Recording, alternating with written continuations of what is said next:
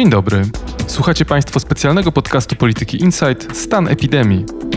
Każdego popołudnia przekazujemy najważniejsze informacje o koronawirusie, śledzimy wydarzenia polityczne, gospodarcze i społeczne oraz opisujemy wpływ epidemii na naszą codzienność. Nazywam się Piotr Żakowiecki i zapraszam na dzisiejszy odcinek.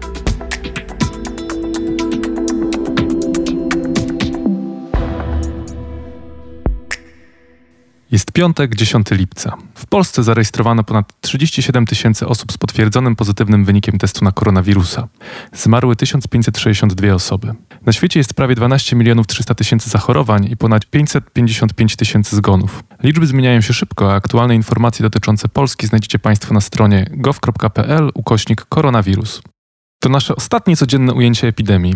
Za niecałe dwa tygodnie, w poniedziałek 20 lipca, wrócimy do Państwa z audycją ukazującą się raz w tygodniu, ale za to dłuższą, bardziej refleksyjną i z większym analitycznym zacięciem. W Chinach, kraju, w którym zaczęła się epidemia, sytuacja wydaje się być pod kontrolą. Liczba nowych przypadków w ostatnich tygodniach nie przekracza 50 dziennie. Według oficjalnych danych na COVID-19 zmarło ponad 4600 osób, ale od początku pandemii pojawiają się głosy, że rzeczywista liczba ofiar może być dużo wyższa. Podczas gdy w Chinach epidemia dogasa, w Indiach wirus nie przestaje przyspieszać. Z ponad 20 tysiącami nowych przypadków wykrywanych każdego dnia, kraj ten jest obecnie trzecim, po Stanach Zjednoczonych i Brazylii, największym ogniskiem wirusa na świecie. W ostatnich dniach pod względem liczby przypadków wyprzedził Rosję, w której sytuacja również jest dramatyczna, ale liczba pozytywnych wyników testów powoli wyhamowuje. Liczba nowych przypadków od kilku tygodni utrzymuje się na poziomie nieco ponad 6,5 tysiąca dziennie. W Europie w większości państw notuje się względnie niewiele nowych przypadków. Wśród krajów z największą liczbą obecnie chorych w Europie prowadzi Francja z 62 tysiącami zachorowań. Polska zajmuje piąte miejsce, jeśli chodzi o sumę zdiagnozowanych chorych wśród krajów Unii Europejskiej. I od ponad trzech tygodni codziennie spada liczba aktywnych przypadków. Wczoraj zeszła poniżej 10 tysięcy. Minister zdrowia Łukasz Szumowski uważa, że w wielu województwach epidemia jest w formie szczątkowej. Natomiast niepokojącym trendem jest rozbieżność między sumą przypadków raportowanych na poziomie powiatowych stacji sanepidu, a bilansem przedstawianym przez resort zdrowia. Pod koniec zeszłego tygodnia wyglądało na to, że liczby zostały uzgodnione, ale obecnie różnica wynosi blisko 1400 przypadków. Eksperci nie są w stanie jednoznacznie stwierdzić, z czego to wynika. Wyjaśnienia Państwowej Inspekcji Sanitarnej wskazują na problemy z przepływem informacji. Podczas gdy Europa radzi sobie z koronawirusem, globalnie epidemia nabiera impetu. Po miesiącach spokoju niepokojące wieści dochodzą z Afryki, gdzie odnotowano ponad 500 tysięcy przypadków i zmarło około 12 tysięcy osób. Republika Południowej Afryki, Egipt, Nigeria, Ghana oraz Algieria odpowiadają za 71% zakażeń. Mała liczba testów i brak przejrzystości w niektórych państwach może oznaczać, że faktyczna liczba zachorowań jest znacznie wyższa. W środę minister zdrowia Republiki Południowej Afryki ostrzegł, że w ciągu kilku tygodni w szpitalach zabraknie łóżek. Najwięcej osób na świecie zachorowało w USA, ponad 3 miliony, a zmarły 133 tysiące. Każdy dzień przynosi nowe rekordy zachorowań, za które odpowiadają Stany na południu i zachodzie kraju, które jako jeden z pierwszych zaczęły łagodzić ograniczenia. Przez ostatnie dwa tygodnie promykiem nadziei była stosunkowo niska śmiertelność nowej fali koronawirusa, o której wielokrotnie przypominał Donald Trump. Lecz teraz nawet to zaczyna się zmieniać, ponieważ śmiertelność rośnie. Natomiast Ameryka Południowa odpowiada za mniej więcej połowę globalnych nowych przypadków, pomimo tego, że mieszka tam jedynie 8% populacji Ziemi. Drugim krajem z największą liczbą potwierdzonych przypadków po Stanach Zjednoczonych jest Brazylia, gdzie odnotowano ponad 1 milion i 700 tysięcy przypadków. Peru, Chile oraz Meksyk są w pierwszej dziesiątce państw pod względem liczby zachorowań. Na Bliskim Wschodzie największym ogniskiem koronawirusa pozostaje Iran. Teheran zniósł większość restrykcji w końcu marca i wczoraj zanotowano rekordową liczbę ofiar koronawirusa w ciągu jednego dnia. Zmarło 221 osób. Łączna liczba potwierdzonych przypadków przekracza już 250 tysięcy, a 12,5 tysiąca osób zmarło. Z problemem nawrotu epidemii zmagają się też inne państwa regionu, jak Arabia Saudyjska czy Izrael. Z kolei z perspektywy humanitarnej w najgorszej sytuacji znajduje się Jemen, w którym ze względu na rozpad systemu ochrony zdrowia i małą skalę testowania ciężko nawet ocenić stan epidemii. W Australii od końca kwietnia do połowy czerwca notowano od kilku do 30 nowych przypadków dziennie. Teraz rozpoczął się powrót epidemii. Wczoraj odnotowano 173 nowe przypadki, z czego 156 w leżącym na południu stanie Victoria. W Melbourne, stolicy stanu, a zarazem drugim najliczniejszym mieście kraju, od środowej nocy znów obowiązuje zakaz wychodzenia z domu, za wyjątkiem zakupów spożywczych i wyjść do pracy. Restrykcje mają obowiązywać przez 6 tygodni. Dzień wcześniej władze zamknęły granice między Wiktorią a Nową Południową Walią, dwoma stanami Australii o największej liczbie mieszkańców. Na koniec zapraszamy Państwa do wysłuchania krótkiej rozmowy z pomysłodawcą naszej audycji, Marcinem Bombą. Rozmawia Paweł Wiejski. Marcinie, dziękuję, że zgodziłeś się z nami porozmawiać w tym odcinku. Powiedz mi, skąd wziął się pomysł na podcast Stan Epidemii? kiedy zaczynała się epidemia koronawirusa, my się jej w Polityce Insight bardzo uważnie przyglądaliśmy i każdego dnia nasi abonenci dostawali od nas szereg informacji i analiz na temat epidemii, na temat tego, co się dzieje w Polsce i tego, co się dzieje na świecie. Natomiast e, to, że my się ukazujemy raz dziennie, oznaczało, że ta informacja będzie trochę ograniczona, więc pomyślałem sobie, że warto tę informację przekazać również po południu. To była pierwsza rzecz. A druga rzecz była taka, że otworzyć się trochę na szersze grono odbiorców i podcast był dla, dla mnie był taką formą, gdzie będziemy mogli dotrzeć szerzej i opowiedzieć większej liczbie osób o tym, co, co jest dla nas ważne i co jest ważne w związku z epidemią.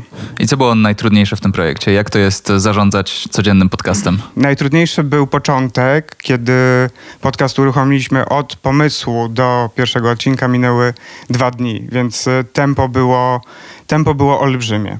Natomiast e, w codziennych pracach najtrudniejsze jest chyba to, że trzeba znaleźć moment, kiedy zamykamy wydanie.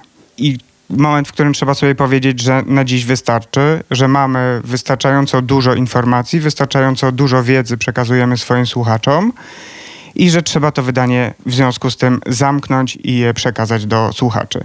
I tu jest olbrzymia pokusa, że może jeszcze poczekajmy kwadrans, może jeszcze pół godziny, może jeszcze coś ważnego, coś ważnego spłynie, co warto byłoby poruszyć.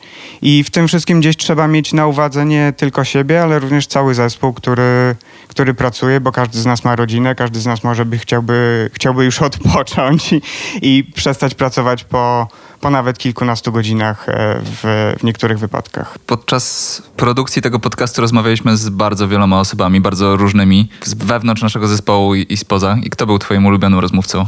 Ja myślę, że ja mam kilku ulubionych rozmówców i to są rozmówcy, którzy otwierali mi przede wszystkim oczy na, e, na kilka rzeczy. Jednym z tych rozmówców jest e, Marcin Podleśny z Polskiej Akcji Humanitarnej, który nam opowiadał o tym, jak rozwija się e, epidemia w Afryce i z czym muszą sobie państwa afrykańskie radzić i że to jest zupełnie, zupełnie inne problemy i dużo większe problemy niż, e, niż my widzimy w Europie. Z drugiej strony na problemy lokalne otwierał oczy Roman Krupa, e, burmistrz Kościeliska, który opowiadał nam o o tym, jak będą wyglądały wakacje w tym roku i jak może wyglądać turystyka i z czym muszą sobie, z czym muszą sobie lokalne władze radzić. Były pewnie jeszcze dwie osoby, które bardzo ciekawie mówiły.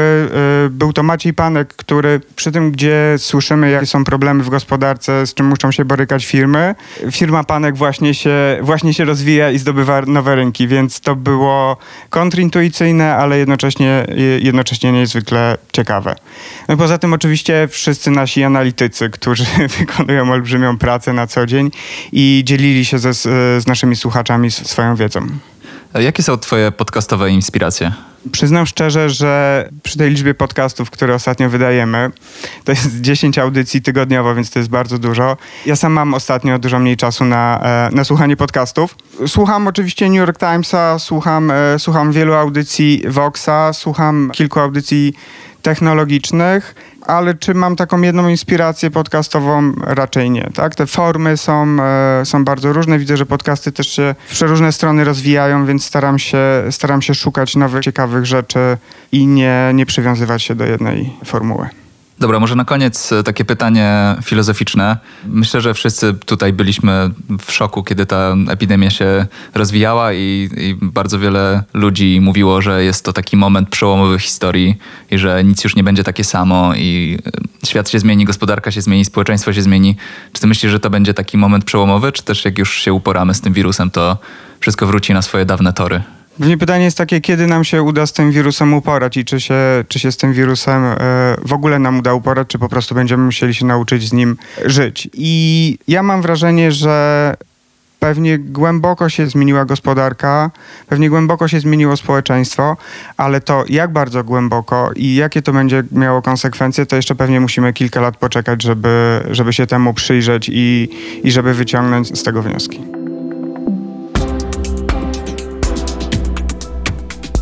Na dziś to wszystko.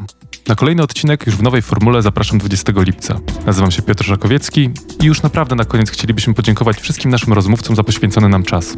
I całej ekipie Polityki Insight za codzienne wsparcie. Specjalne podziękowania należą się dwóm osobom. Szefowi Polityki Insight Andrzejowi Bopińskiemu, który od początku dostrzegł potencjał codziennego podcastu i Kai Sztanderskiej za tytułowe inspiracje. Nad naszym podcastem pracował zespół w składzie Karol Tokarczyk, Paweł Wiejski, Aleksandra Redzisz, Ryszard Łuczyn, Piotr Żakowiecki, Katarzyna Szajewska, Małgorzata Gryniewicz, Maciej Kurczewski i Tytus Wila. Zanim usłyszymy się 20 lipca, zapraszam na inne nasze podcasty, które znajdziecie w serwisach Spotify, Apple Podcasts, Google Podcasts, na SoundCloudzie i innych aplikacjach, w których słuchacie podcastów.